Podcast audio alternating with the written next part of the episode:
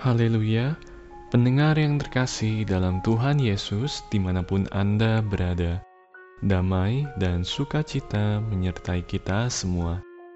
Renungan Sau Bagi Jiwa yang disajikan Gereja Yesus Sejati berjudul Jangan marah karena orang berbuat jahat. Dalam nama Tuhan Yesus membacakan renungan firman Tuhan. Jangan marah kepada orang yang berbuat jahat. Jangan iri hati kepada orang yang berbuat curang. Mazmur pasal 37 ayat 1 Apabila Anda melihat orang yang berbuat jahat, ternyata hidupnya lancar, tidak dihajar oleh Allah, Wajar bila timbul perasaan marah kepadanya, apalagi bila dia semakin gencar mencelakai orang karena Allah belum membalas perbuatannya, maka orang pun akan iri hati kepadanya. Tetapi Allah berpesan agar kita jangan marah dan iri hati karena orang yang berbuat jahat. Sesungguhnya ini bukan sekedar pesan, melainkan perintah. Sama seperti jangan menyembah berhala, jangan membunuh, dan lainnya. Semuanya adalah perintah yang harus kita patuhi. Janganlah kita menganggap perintah ini sadis dan tidak adil. Sesungguhnya Allah sedang mendidik kita untuk menanti sesaat dan menguji iman kita. Oleh sebab itu, kamu orang-orang yang berakal budi, dengarkanlah aku. Jauhlah daripada Allah untuk melakukan kefasikan, dan daripada yang maha kuasa untuk berbuat curang. Malah ia mengganjar manusia sesuai perbuatannya, dan membuat setiap orang mengalami sesuai kelakuannya. Sungguh Allah tidak berlaku curang. Yang Maha Kuasa tidak membengkokkan keadilan. Ayub 34 ayat 10 sampai 12. Allah berfirman, Orang jahat akan dipotong seperti rumput dan segera layu.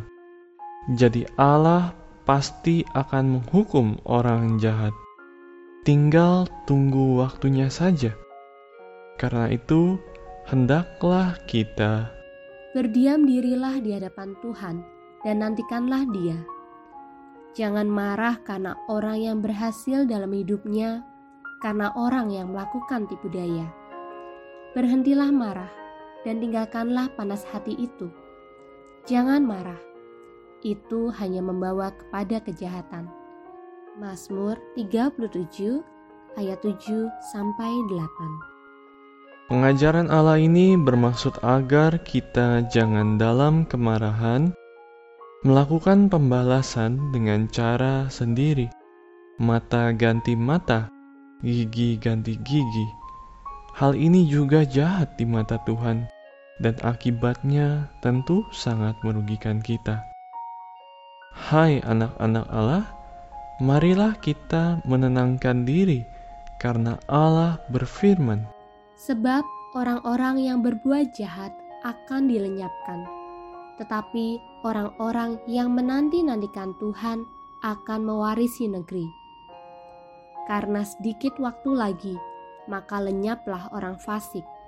Jika engkau memperhatikan tempatnya, maka ia sudah tak ada lagi.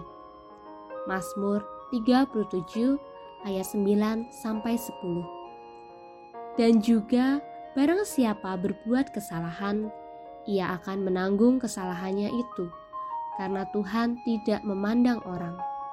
Kolose 3 ayat 25 Dan terlebih lagi, sesungguhnya aku datang segera dan aku membawa upahku untuk membalaskan kepada setiap orang menurut perbuatannya. Wahyu 22 ayat 12 Apakah jaminan keadilan Allah ini belum cukup untuk menghibur Anda? Berserahlah, karena Allah akan membalaskan setiap orang secara adil. Tuhan Yesus menyertai kita semua. Amin.